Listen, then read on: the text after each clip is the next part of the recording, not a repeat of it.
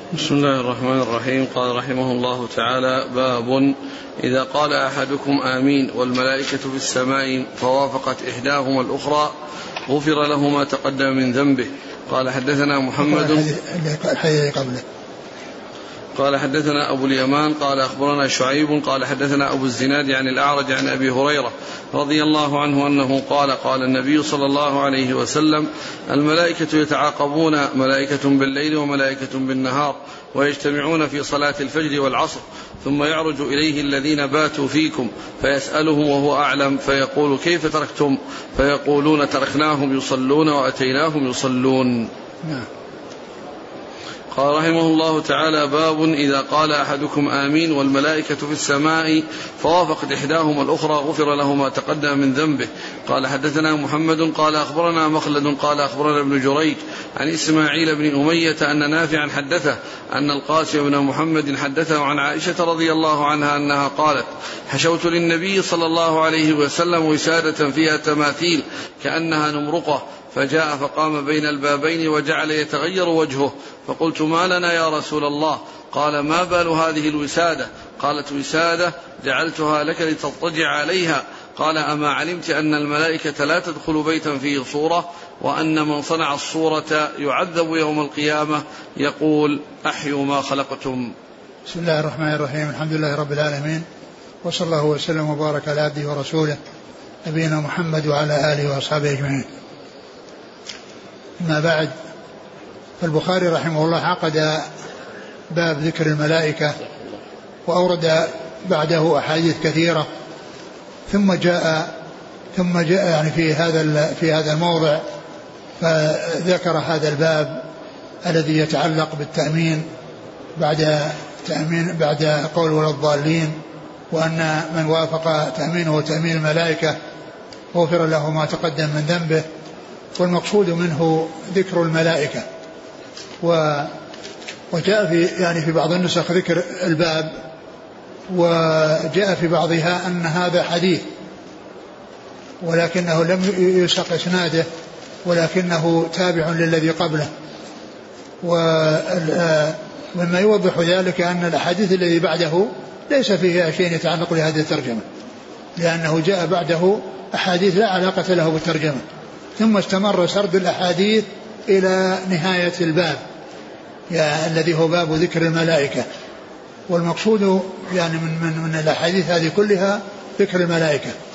وعلى هذا فإن هذا الحديث أو هذا الباب الأصل أنه حديث وأنه يتعلق بذكر الملائكة وبتأمين الملائكة آه، وذكر تأمين الملائكة. والحافظ بن حجر أشار إلى هذا أشار إلى هذا و وذكر الباب هنا ليس له وجه لأن الأحاديث كلها مسرودة في ذكر الملائكة ولهذا الحديث الحديث الذي بعده ليس فيها ذكر الترجمة أو ما يدل على الترجمة مما يدل على أنه حديث مسرود من جملة الأحاديث إلا أنه لم يسق يعني إسناده. شوف كلام الحافظ في هذا. الحافظ سرد الحديث سرد. يعني الحديث الأول الثاني العشرون. الحديث هذا ترتيبه لعله العشرون. حديث العشرون حديث أبي هريرة إذا قال أحدكم آمين. الحديث وهو بإسناد الذي قبله عن أبي اليمان عن شعيب بن أبي الزناد عن العارج عنه. وقع في كثير من النسخ هنا باب إذا قال أحدكم إلى آخر الحديث. فصار ترجمة بغير حديث وصارت الأحاديث التي تتلوه لا تعلق لها به فأشكل أمره جدا. وسقط لفظ باب من رواية أبي ذر فخف الإشكال لكن لو قال وبهذا الإسناد أو وبه قال أو نحو ذلك لزال الإشكال. وقد صنع ذلك الإسماعيلي فإنه ساق حديث يتعاقبون فلما فرغ قال وبهذا الإسناد إذا قال أحدكم. فساقه من طريقين عن أبي الزناد كذلك. وظهر بهذا أن هذا الحديث وما بعده من الأحاديث بقية ترجمة ذكر الملائكة والله أعلم. نعم هذا واضح الدلالة. ثم أيضا الأحاديث المسرودة يعني كلها متصلة. والأحاديث التي بعده لا علاقة لها بالباب. والحديث سبق أن مر الذي هو حديث ذكر يعني هذا حديث أبي هريرة في ذكر التأمين وتأمين الملائكة. سبق أن, أن, أن مر وأعلى الإسناد هو نفس هو نفس الإسناد الموجود هنا فيه أبو الزناد عن الأعرج عن أبي هريرة. و يعني في والإسناد الذي الذي معنا يعني فيه أبو الزناد وعن أبو هريرة وفيه قبله يعني رجال. لكن أقرب شيء أنه كما قال أنه بالإسناد الذي قبله بالإسناد الذي قبله. والحديث سبق أن مر في في في الصلاة و وفي في, في, في مشروعية التأمين ولكنه هنا جاء من أجل ذكر كلمة الملائكة فيه. نعم.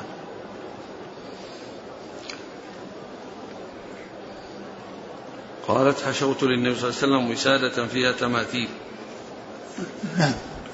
الحديث أورد الحديث الذي بعده وفيه أن عائشة رضي الله عنها يعني اشترت للرسول صلى الله عليه وسلم أو أحضرت الرسول وسادة فيها تماثيل ووقف في الباب وقال يعني ظهر عليه التأثر فسألته فقال إن الملائكة لا تدخل بيتا فيه لا تدخل الملائكة بيتا فيه صورة. لا به صورة. وهذا محل الشاهد من كون ذكر الملائكة.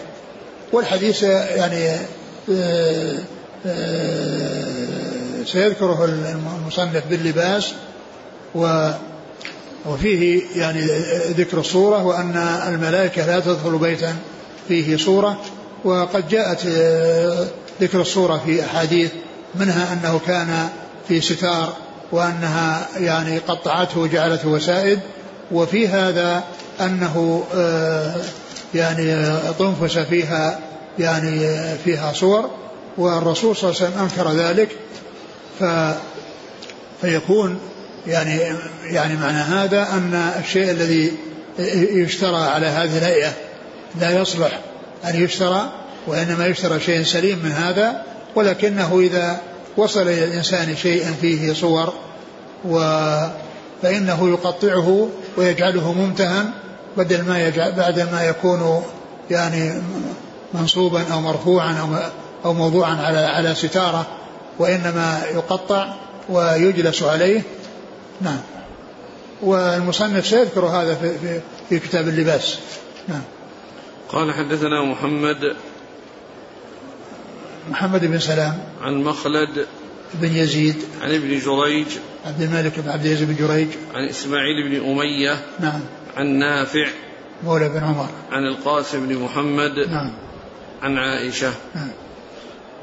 قال حدثنا ابن مقاتل قال أخبرنا عبد الله قال أخبرنا معمر عن الزهري عن عبيد الله بن عبد الله أنه سمع ابن عباس رضي الله عنهما يقول سمعت أبا طلحة رضي الله عنه يقول سمعت رسول الله صلى الله عليه وسلم يقول لا تدخل الملائكة بيتا فيه كلب ولا صورة تماثيل. ثم ذكر هذا الحديث عن أبي طلحة أن النبي صلى الله عليه وسلم قال لا تدخل البيت لا تدخل الملائكة بيتا فيه كلب ولا صورة تماثيل. يعني الصور التي هي تماثيل وأما الصور التي هي صور شجر أو صور يعني جبال أو بيوت أو ما إلى ذلك مما لا روح فيه فإن هذا لا بأس به. وإنما المحذور الذي فيه يعني تصوير الإنسان أو تماثيل يعني الإنسان أو حيوان. نعم.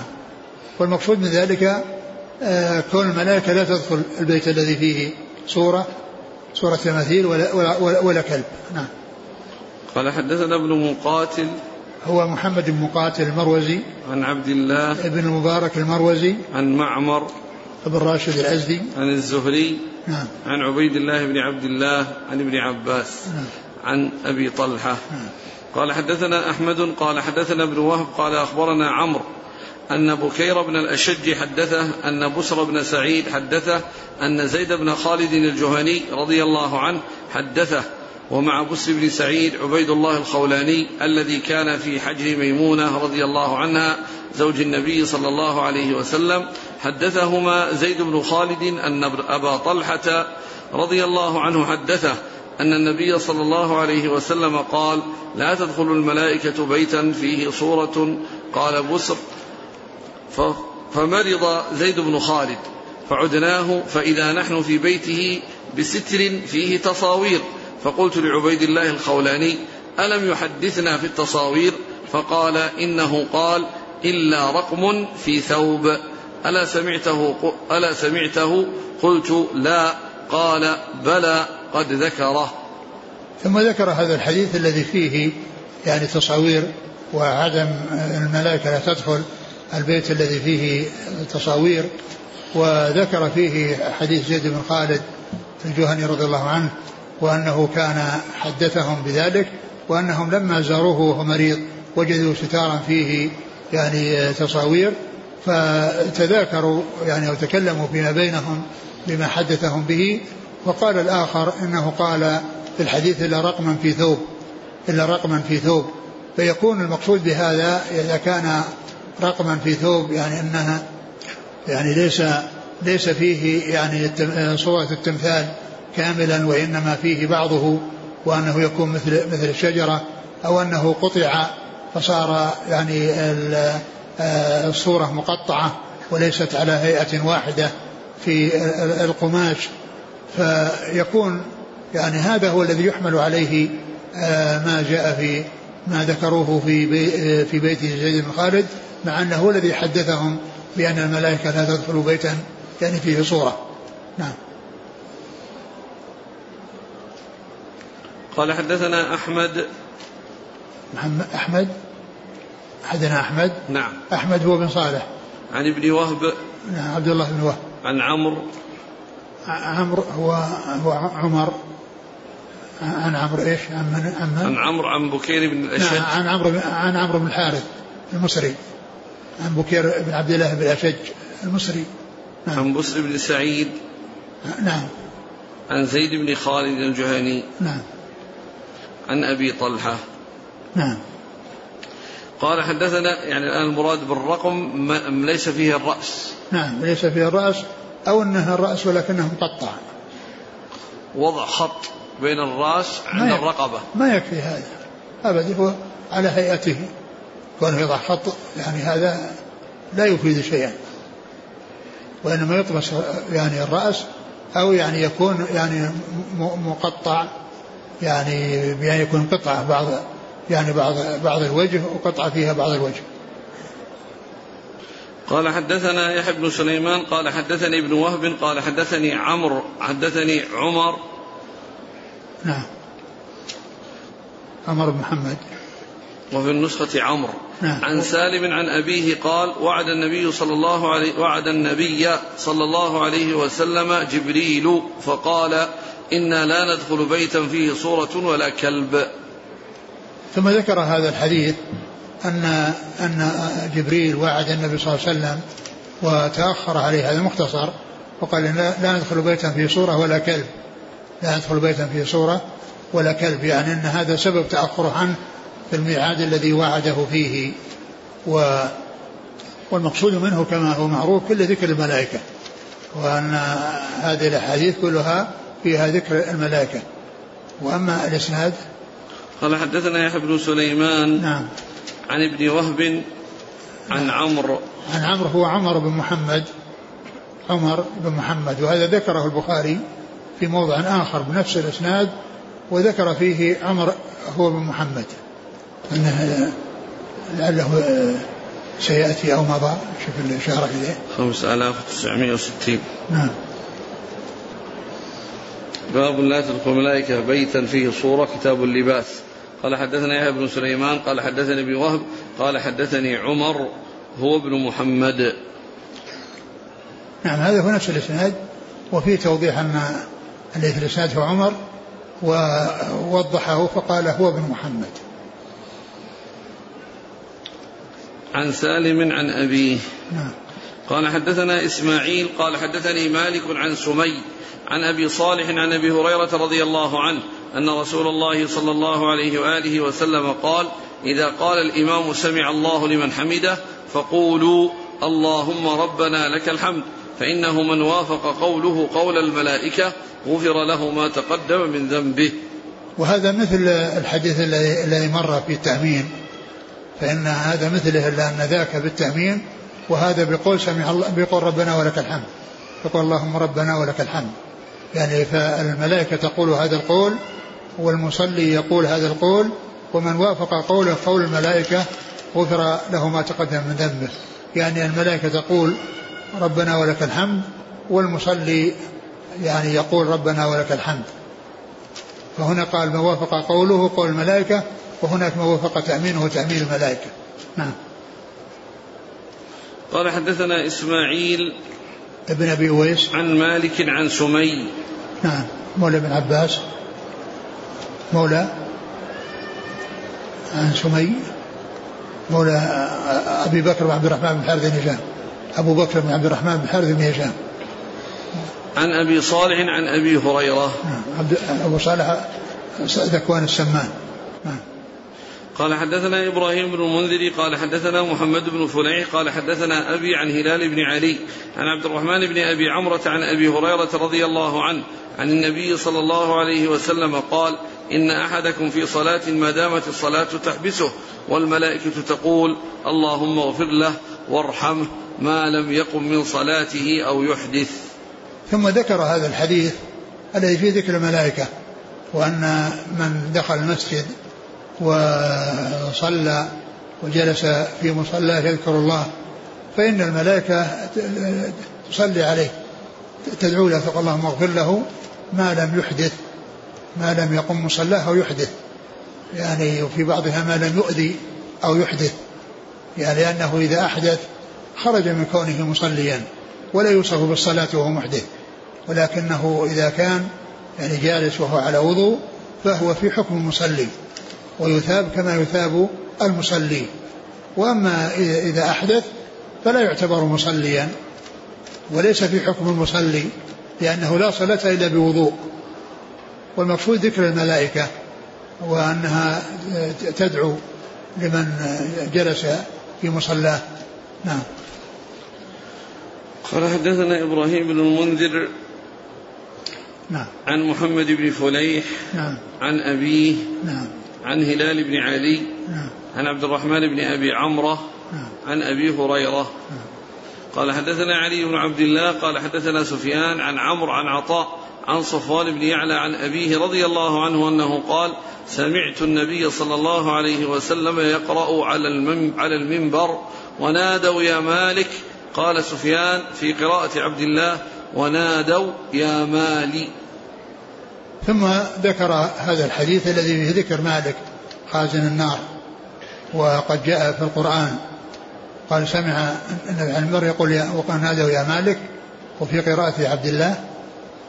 يا مالي. يا مالي نعم. قال حدثنا علي بن عبد الله ابن مدينة. عن سفيان ابن عيينة. عن عمرو ابن دينار. عن عطاء ابن أبي رباح. عن صفوان بن يعلى عن يا- يا- وهو يعلى بن أمية. آه. قال حدثنا عبد الله بن يوسف قال أخبرنا ابن وهب قال أخبرني يونس عن ابن شهاب قال حدثني عروة أن عائشة رضي الله عنها زوج النبي صلى الله عليه وسلم حدثته أنها قالت للنبي صلى الله عليه وآله وسلم هل أتى عليك يوم كان أشد من يوم أحد؟ قال لقد لقيت من قومك ما لقيت وكان أشد ما لقيت منهم يوم العقبة. إذ عرضت نفسي على ابن, على ابن عبد ياليل ابن عبد كلال فلم يجبني إلى ما أردت. فانطلقت وأنا مهموم على وجهي فلم أستفق إلا وأنا بقرن الثعالب.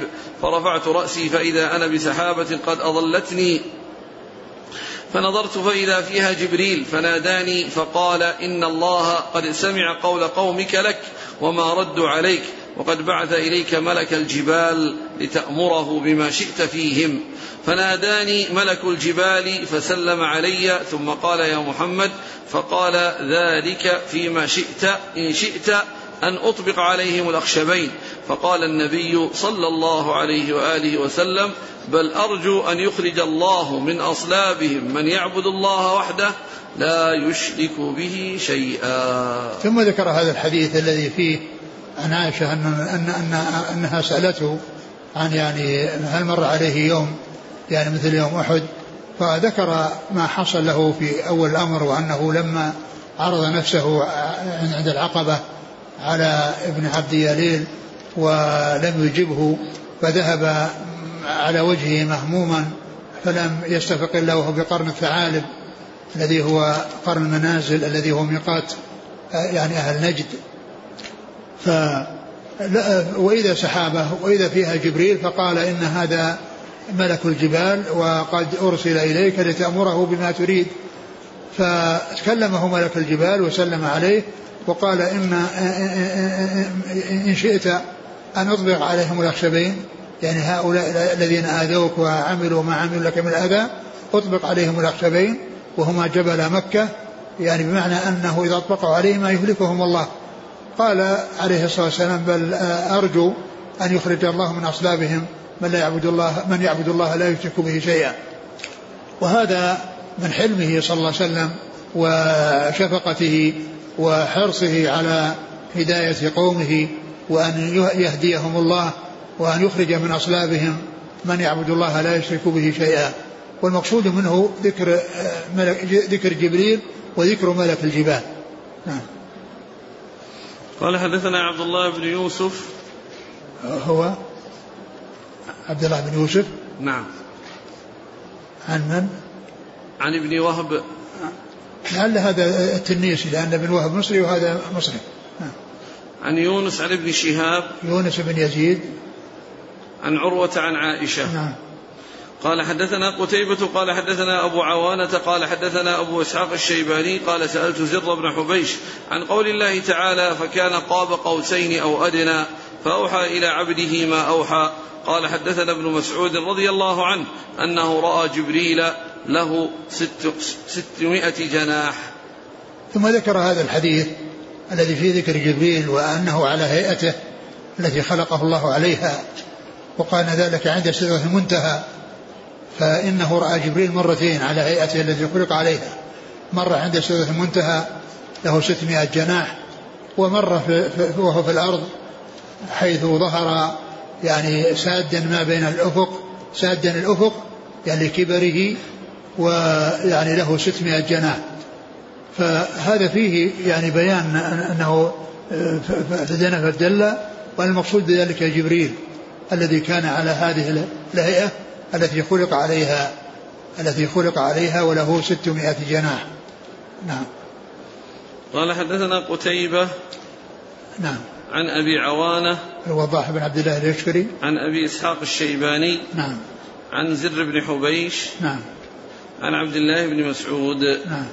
قال حدثنا حفص بن عمر قال حدثنا شعبة عن الأعمش عن إبراهيم عن علقمة عن عبد الله رضي الله عنه قال لقد رأى من في قوله لقد رأى من آيات ربه الكبرى قال رأى رفرفا أخضر سد أفق السماء ثم ذكر هذا الحديث وليس في ذكر الملائكة وإنما ذكر ذكر ذكر في رفرف يعني سد يعني سد أفق السماء. في قوله لقد رأى من آيات ربه الكبرى. نعم. يعني رأى رفرفا. والمقصود به أن جبريل كان على رفرف. أن جبريل كان على رفرف. والمقصود به جبريل. وهذا هو المناسب لذكره في ذكر الملائكة. لأن الرفرف يعني ليس فيه ذكر الملائكة ولكنه جبريل جالس عليه وقد سد الأفق.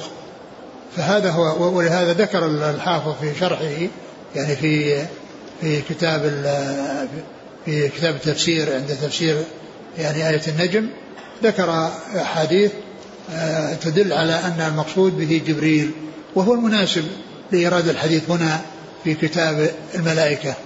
شوف الذي قاله في في الحافظ عند شرح الحديث لأنه ذكر عند النسائي وعن غيره. أنه كان على رفرف والمقصود به جبريل. وهو المناسب لإيراد الحديث هنا في كتاب الأنبياء إلا أنه مختصر.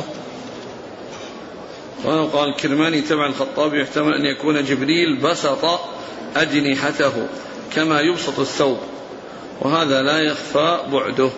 هذا ذكره هنا. إيه؟ لا أبغي ذكره هناك اللي ذكر في في كتاب في كتاب التفسير.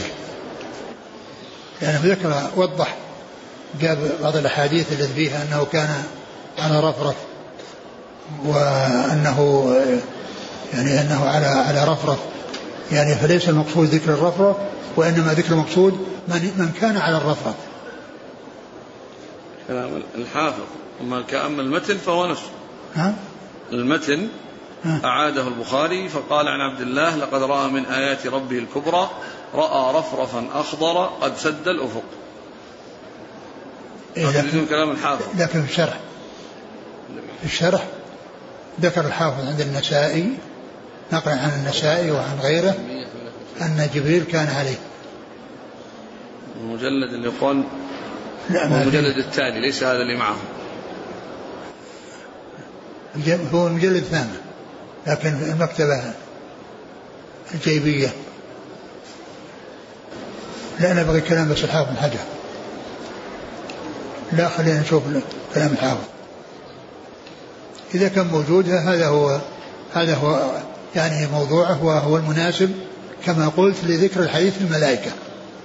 لأن الرفرف يعني ذكر الرفرف بمجرده وهو وهو يعني لا علاقة له في الباب يعني معلوم أن أن أن أنه أنه يراد به ما جاء في بعض الأحاديث من أن جبريل كان جالسا عليه. إذا كان موجود نمشي ولكنه يعني يرجع إلى إلى شرح الحافظ بن حجر في في آه، التفسير.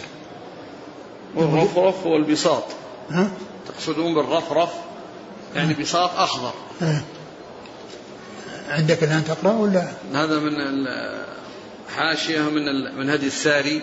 في الفصل الذي شرح فيه الكلمات الغريبة في صحيح البخاري. نعم. نعم هو البساط لكن لكن المقصود ليس هو. المقصود جبريل لأنه أورد الحديث هنا في كتاب الملائكة في باب الملائكة. وليس في ذكر الملك إلا ما جاء في الرواية الأخرى الذي أنه كان جبريل عليه. كان جبريل عليه. وهذا ذكر الحافظ حجر عن النسائي أنه عند النسائي وعند غيره. الآن اللي ذكر هنا الحافظ على وجه الاحتمال. إيه نعم. فعلى هذا قالوا قال الكرماني تبع الخطابي يحتمل أن يكون جبريل بسط أجنحته كما يبسط الثوب. يعني هذا معناه أن أنه الرفرة لكن أنه فسر بالرفرة وهذا الذي استبعده لكن هناك ذكر أن جبريل كان على الرفرة قال حدثنا حفص بن عمر نعم. عن شعبة عن الأعمش نعم. عن إبراهيم عن علقمة. نعم إبراهيم النخعي عن علقمة النخعي. عن عبد الله. نعم. مسعود. نعم. عبد الله بن مسعود نعم. آه، يقول قوله عن عبد الله بن مسعود لقد رأى أي في تفسير هذه الآية قوله رأى رفرفا رفرفا أخضر قد سد الأفق. هذا ظاهره يغاير التفسير السابق أنه رأى جبريل. ولكن يوضح المراد ما أخرجه النسائي والحاكم من طريق عبد الرحمن بن يزيد عن عبد الله بن مسعود قال أبصر نبي الله صلى الله عليه وسلم جبريل عليه السلام على رفرف قد ملأ ما بين السماء والأرض. فيجتمع من الحديثين أن الموصوف جبريل والصفة التي كان عليها. وقد وقع في رواية محمد بن الصفة التي كان عليها أنه كان على رفرف. يعني الصفة اللي عليها أنه كان على رفرف نعم. وقد وقع في رواية محمد بن فضيل عند الإسماعيلي وفي رواية ابن عيينة عند النسائي كلاهما عن الشيباني عن زر عن عبد الله أنه رأى جبريل له 600 جناح قد سد الأفق. والمراد أن الذي سد الأفق الرفرف الذي فيه جبريل. فنسب جبريل إلى سد الأفق مجازا. وفي رواية أحمد هذا مو واضح نفس الحديث جاء أنه رأى جبريل قد سد الأفق نعم. وفي رواية أحمد والترمذي وصححها من طريق عبد الرحمن بن يزيد عن ابن مسعود رأى جبريل في حلة من رفرف قد ملأ ما بين السماء والأرض. وبهذه الرواية يعرف المراد بالرفرف وأنه حلة ويؤيده قوله تعالى متكئين على رفرف. وأصل الرفرف ما كان من الديباج رقيقا حسن الصنعة, الصنعة ثم اشتهر استعماله في الستر وكان ما فضل من شيء فعطف وثني. فهو رفرف ويقال رفرف الطائر بجناحيه إذا بسطهما. وقال بعض الشراح يحتمل أن يكون جبريل بسط أجنحته فصارت تشبه الرفرف. كذا قال والرواية التي أوردتها توضح المراد. يعني هذا هذا يطابق كلام الكرباني الأول اللي استبعده اللي ذكره هنا. الكلام الأخير قال وبعض الشراح قال يحتمل. ها. هنا قال يحتمل كلام الخطابي وتبعه الكرماني وقد تبعه الخطابي. الخطابي تبع الكرماني. أيوه. وقال هنا يحتمل. إيه؟ قال بعض الشراح احتمال ها. قال بعض الشراح هنا. على كل هذا مطابق الكلام الكريماني اللي استبعده فيما مضى في المكان اللي نحن فيه. هنا قال نعم قالوا لا يخفى بعد. وقال الكرماني تبعا للخطابي يحتمل أن يكون جبريل بسط أجنحته كما يبسط الثوب وهذا لا يخفى بعده. أي نعم. وهنا كلام هذا كلام هنا. نفسه مطابق. نعم. هو هو. قال حدثنا محمد بن عبد الله بن إسماعيل قال حدثنا محمد بن عبد الله الأنصاري عن ابن عون قال أنبأنا القاسم عن عائشة رضي الله عنها أنها قالت من زعم أن محمدا رأى ربه فقد أعظم ولكن قد رأى جبريل في صورته وخلقه ساد ما بين الأفق. ثم ذكر حديث عائشة في آه، آه، قوله آه، في قول الذي قالت فيه أنه من زعم أن محمدا يعني رأى ربه فقد أعظم وإنما رأى جبريل سادا يعني الأفق. والمقصود من ذلك ان إن تفسير قوله ثم دنا فتدلى والمقصود به جبريل وليس هو الله. والله عز وجل لم يرى ولم يره النبي صلى الله عليه وسلم ليلة المعراج لأن رؤية الله عز وجل أكمل نعيم في الجنة. فشاء الله أن لا يكون في الدنيا. لأنه لو رؤي في الدنيا لرؤي نعيم الجنة في الدنيا وأكمل نعيم في الجنة هو رؤية الله عز وجل. فيعني فإذا المعروف عند أهل السنة والجماعة أن الرسول صلى الله عليه وسلم لم يرى ربه وإنما رؤيته هي أكبر نعيم في الجنة فشاء الله عز وجل أن لا تكون. ولهذا لما جاء لما طلب موسى الرؤيا قال له انظر إلى الجبل فإن استقر مكانه فسوف تراني فلما تجلى رجع له دكا لأنهم في الدنيا لا يطيقون رؤية الله عز وجل ولكن يوم القيامة يقدرهم الله ويجعل في عيونهم من القوة ما يستطيعون فيها النظر إلى الله سبحانه وتعالى نعم. قال حدثنا محمد بن عبد الله بن إسماعيل نعم.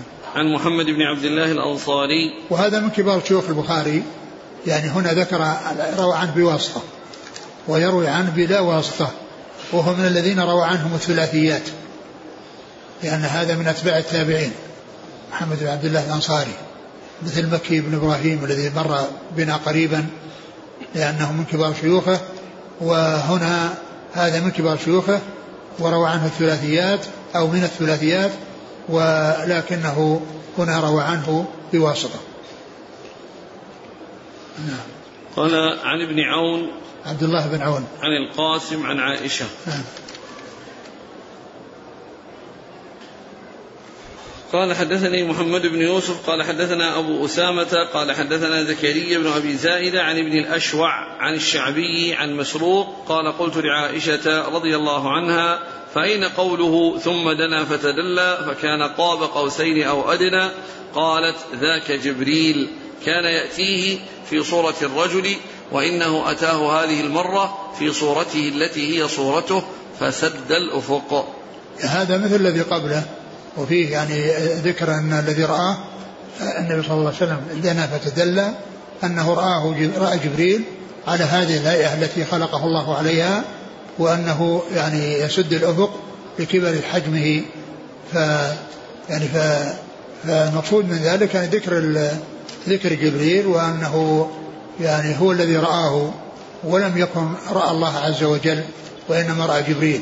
فالذي دنا وتدلى هو جبريل. نعم.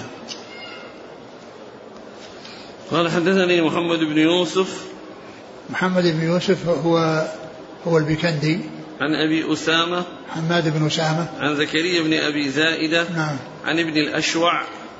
نعم. وهو سعيد عن الشعبي نعم. عن مسروق عن الشعبي عامر بن شراحيل عن مسروق بن أجدع. عن عائشة. نعم. وبالأشوع هذا مر بنا قريبا في مسألة قضى وأنه قضى فيها قضى فيها بالأشوع. نعم. تبحث عنها؟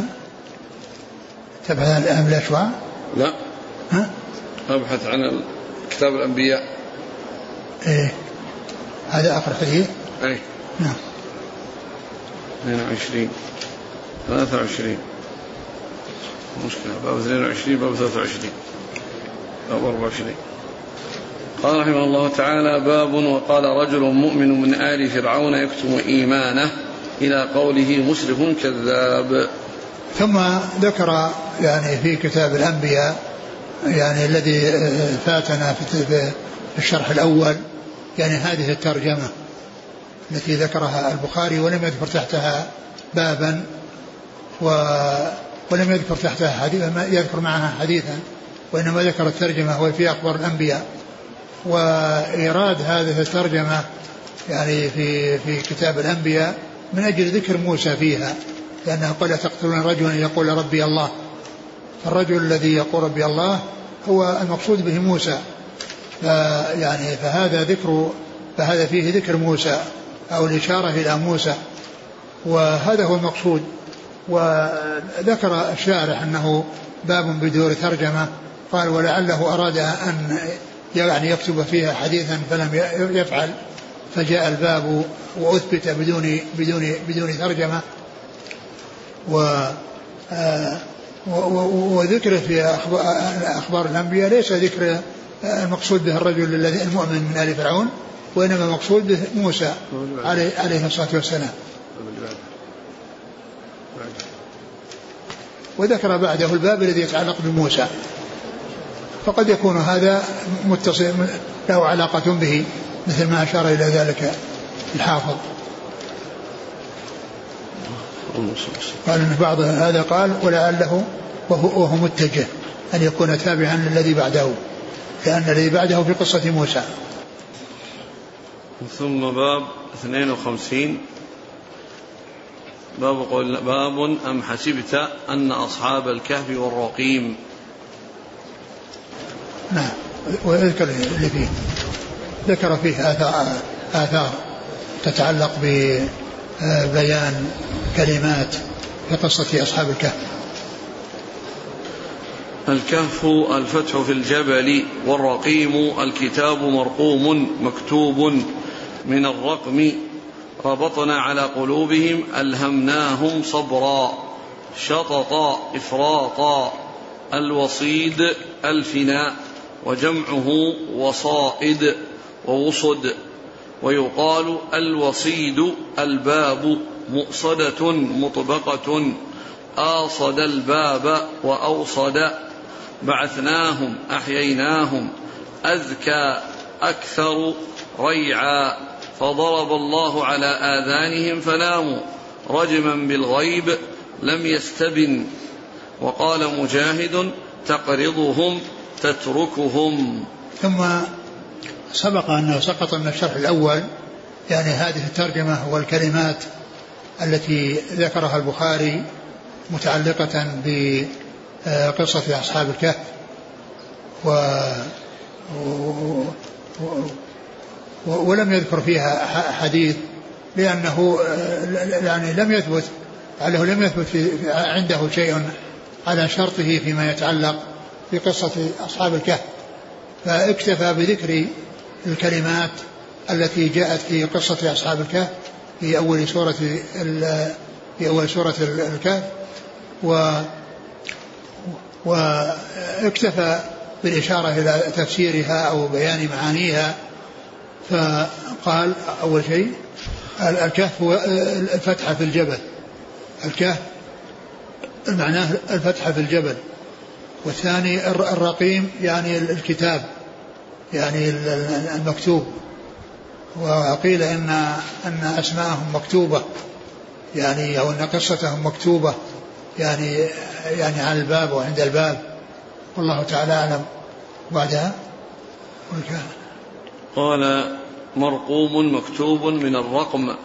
نعم ربطنا على قلوبهم الهم. يعني ألهمناهم الصبر. ربطنا على قلوبهم ألهمناهم الصبر. ربط على القلب يعني ألهم الصبر. نعم. شططا. شططا إفراطا. أو يعني قول أو شيء شديدا. نعم. الوصيد. الوصيد هو الفناء الذي يعني يكون قريبا من الباب الوصيد. ثم ذكر مؤصدة وهي لا, لا علاقة لها في سورة الكهف ولكنها في صفات النار ما عليهم مؤصدة أي مطبقة. يعني هذا جاء استطرادا وإلا فإنه ليس متعلقا بالقصة التي قصة أصحاب الكهف نعم. الوصيد وجمعه وصائد ووصد ويقال نعم. الوصيد الباب. نعم. مؤصدة مطبقة آصد الباب وأوصد. نعم. بعثناهم أحييناهم. نعم. أزكى أكثر ريعا. نعم. يعني أزكى يعني أزكى طعاما.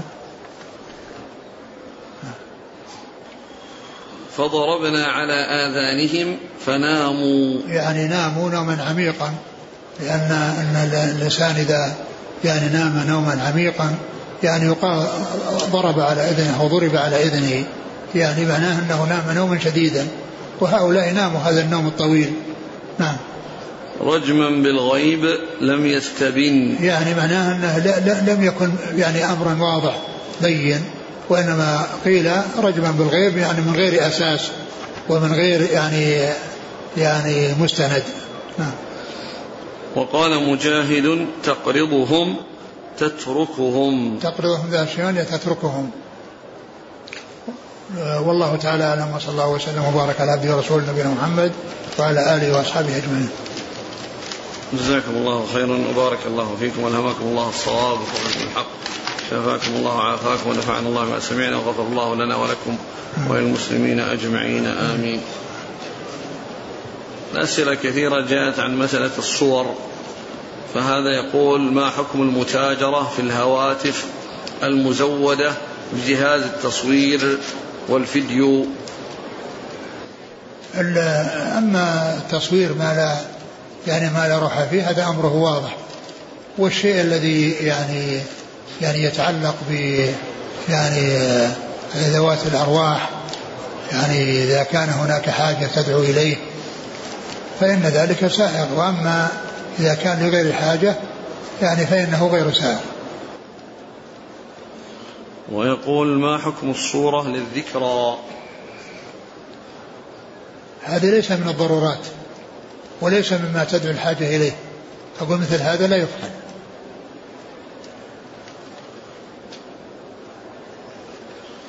وما حكم زيارة الكنائس؟ زيارة؟ نعم.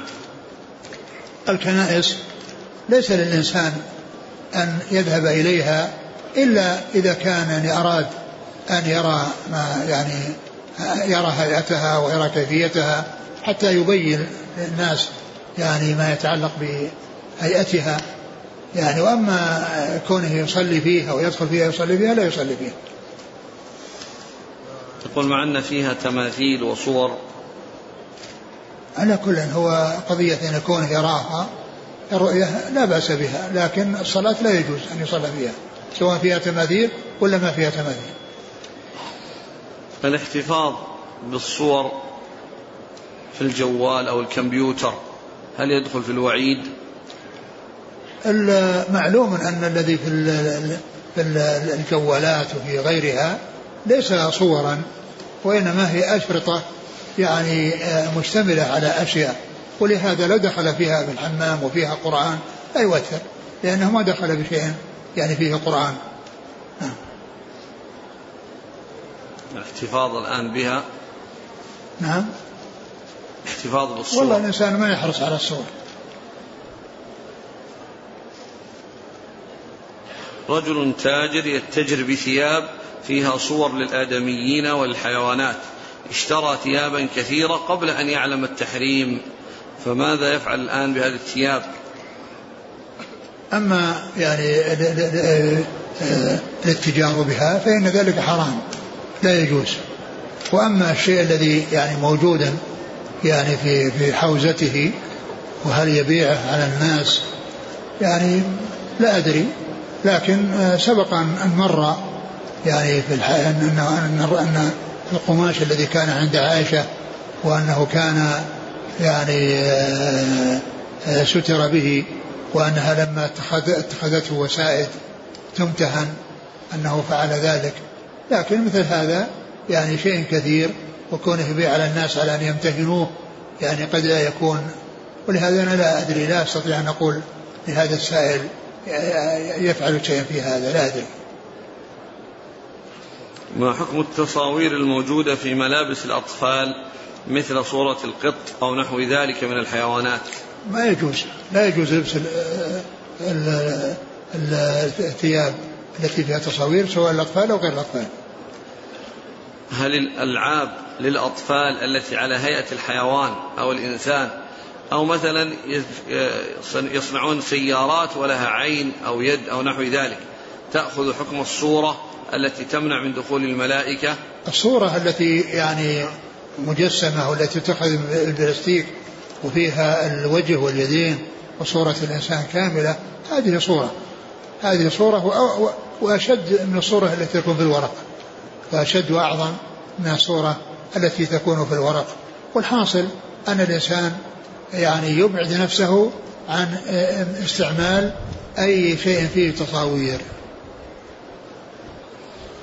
هل الميت يتأذى وهو يغسل في الحجرة التي فيها صور؟ ما نعلم شيء يدل على هذا. هل يخرج الإنسان من النهي إذا غطى إذا غطى رأس الصورة بقطعة قماش؟ لا إذا غطاها بشيء يزيلها يعني شيء يزيلها ما كون يغطيها ويكشفها هذا مثل الخمار الذي يوضع ويرفع ولكن إذا زالها بحبر أو يعني شيء يعني يقضي عليها يصير مثل الشجرة. تصير كهيئة الشجرة.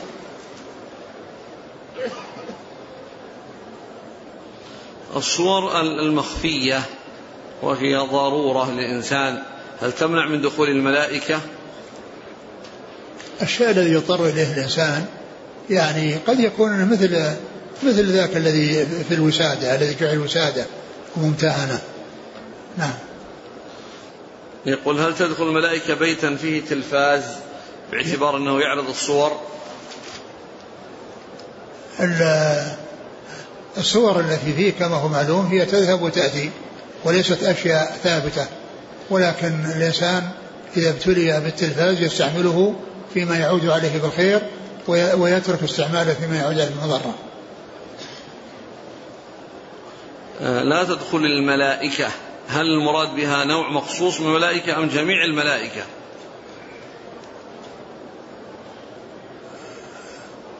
الذي جاء ذكر أقول ذكر الملائكة عموما. يعني ذكر الملائكة عموما ما أدري هل في شيء ينص على أنه يعني خاص بنوع معين من الملائكة أو بعض الملائكة لا أدري. الله تعالى أعلم. يقول فعليه لا يدخل الملائكة الكرام الكاتبون.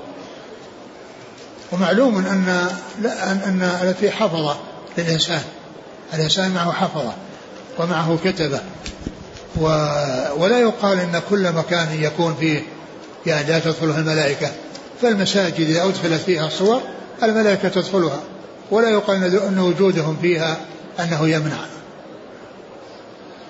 هل يجوز إحضار كتاب فيه صور حيوانات تعليما للأطفال؟ ما ينبغي أن يعلم الأطفال يعني بالصور وإنما يعلمون بالتفصيل والبيان والإيضاح بدون وإذا كان يعني ولا بد فيكون يعني الرأس غير موجود حتى يقول كهيئة الشجرة. يقول ما سبب كون الملائكة لا تدخل بيتا فيه صورة أو كلب؟ ما الحكمة؟ الله أعلم. ما حكم شراء السبحة السبحة كشراءها كهدية يهديها الحاج أو الزائر؟ المناسب للحاج أن يهدي شيئا ينفع. يعني وأحسن شيء يعني يهدي له يهدي له مصحف ويهدي له كتابا طيب. يعني فيه خير أو يهدي من ماء زمزم وغير ذلك. أما السبح فلا ينبغي الإنسان أن يهديها لأن التسبيح إنما يكون بالأيدي كما كان يفعل ذلك رسول الله صلى الله عليه وسلم. يسبح بأصابعه. لا يسبح بالسبح ولا يسبح بالحصى وإنما يسبح بالأصابع التي جاء. هذا فيما إذا كان هناك أشياء محددة مثل الأذكار بعد الصلوات. وأما الإنسان إذا أراد أن يذكر الله عز وجل فيذكر بدون أن يحصي والله تعالى يحصيه ولا يضيع عند الله شيء ولا يعني آآ آآ آآ كون الإنسان يحصل بدون عدد. الله سبحانه وتعالى يحصيه ويثيبه عليه. وإنما الأشياء التي يحتاج فيها إلى عدد هذا يستعمل في فيه الأصابع ولا يستعمل فيه السبح. ثم أيضا السبح استعمالها قد يعني يكون صاحبها أحيانا بيد سبحة وهو يعد والناس يحسبونه يسبح وهو ما يسبح ذاهر يعني ذا شارد الذهن. فيقول ما شاء الله يسبح. فيكون من يحمد بما لم يفعل. ما يقول ما حكم مشاهدة المحاضرات المرئية للعلماء؟ إيش؟ ما حكم مشاهدة المحاضرات المرئية للعلماء؟ مما يدخل في الأمور النافعة. آه يعني أقول مثل هذه الأمور التي يعني هي عارضة والناس يعني يعني يشاهدونها في حال من الأحوال. قد تكون هذه المفسدة اللي فيها مغمورة من جنب المصلحة الكبيرة التي يعني تحصل من وراء آه، حضور تلك المحاضرات. أو مشاهدة تلك المحاضرات لأن قد تكون هذه إن شاء الله من الشيء الذي آه، مفسدته مغمورة في جنب المصلحة الكبيرة. وأيضا هو شيء يذهب يعني يأتي ويذهب. يقول الصورة التي على الجوارب هل تعتبر ممتهنة؟ الإنسان عندما يشتري جوارب يشتري شيء ليس في صورة. ولا يحتاج إلى هذا السؤال.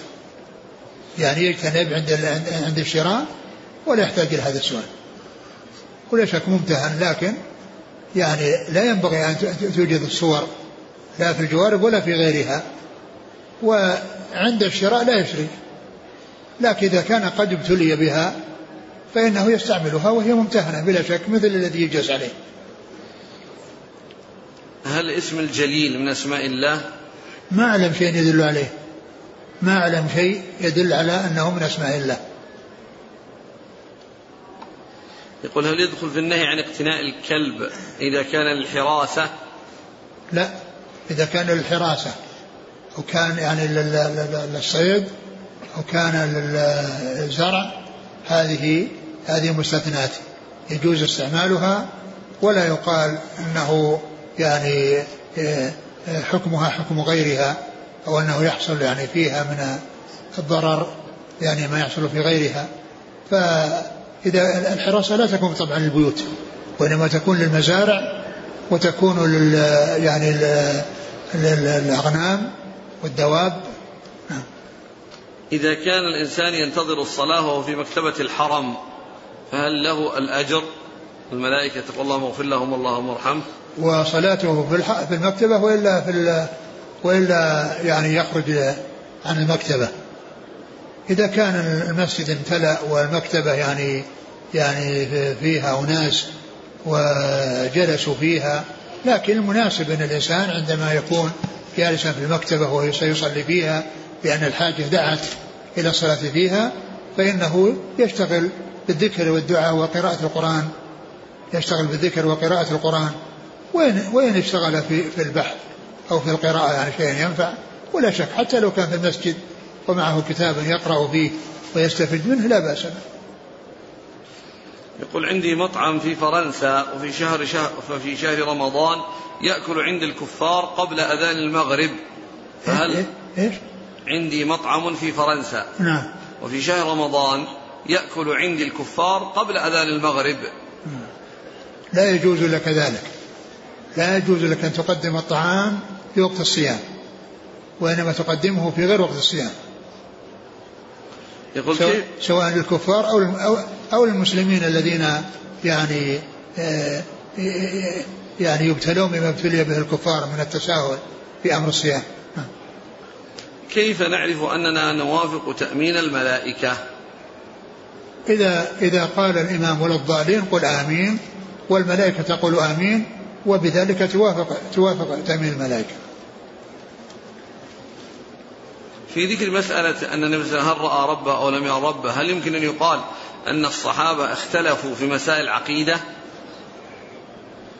هذه لا يقال أنها من اختلاف في مسائل العقيدة لأنهم متفقون على رؤية الله. الرؤية متفق عليها. الله تعالى يرى ولكنه يرى في الدار الآخرة. وكونه يعني أحد قال إنه رأى ربه وأحد ما قال ربه. وبعض الذين قالوا إنه رأبه يعني قالوا رآه بقلبه ولم يره ببصره. الحاصل أنه لا يقال ان أن هذا من آه، من من اختلاف في مسائل العقيدة. لأن الرؤية ثابتة لله عز وجل.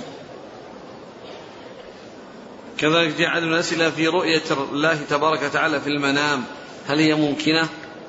الرسول صلى الله عليه وسلم حصلت له. أما غيره الله أعلم. هل ثبت في السنة اسم الملك الموكل بنزول المطر؟ لا أدري. والنفخ في المشهور المشهور أن الذي ينفخ في الصور إسرافيل والذي ينفخ والمطر ميكائيل ولكن ما أعلم يعني يعني دليل يدل على ذلك. ولهذا قالوا في تفسير اللهم رب جبريل وميكائيل وإسرافيل. قال قال إن أنه ذكر هؤلاء الملكة ثلاثة. قالوا لأنهم موكلون بأنواع الحياة. فجبريل موكل بالوحي الذي به حياة القلوب ويسراء وميكائيل بالقطر المطر الذي به حياة الأبدان وإسرافيل بالنفخ الصور الذي به الحياة بعد الموت. لكن لا أعلم شيئا يعني أو حديثا ينص على تسمية إسرافيل وتسمية ميكائيل. هل يطيع الرجل والديه إذا رفضا له التعدد؟ يرضيهما بما يمكنه ويبين لهما ويعني وهو أدرى بنفسه إذا كان بحاجة إلى التعدد يعدد لكن يقنع والديه ويدخل عليهم السرور ولا يجعلهما يغضبان عليه. نعم. ما حكم إعطاء الصدقات للمتسولين أمام الحرم؟ إيش؟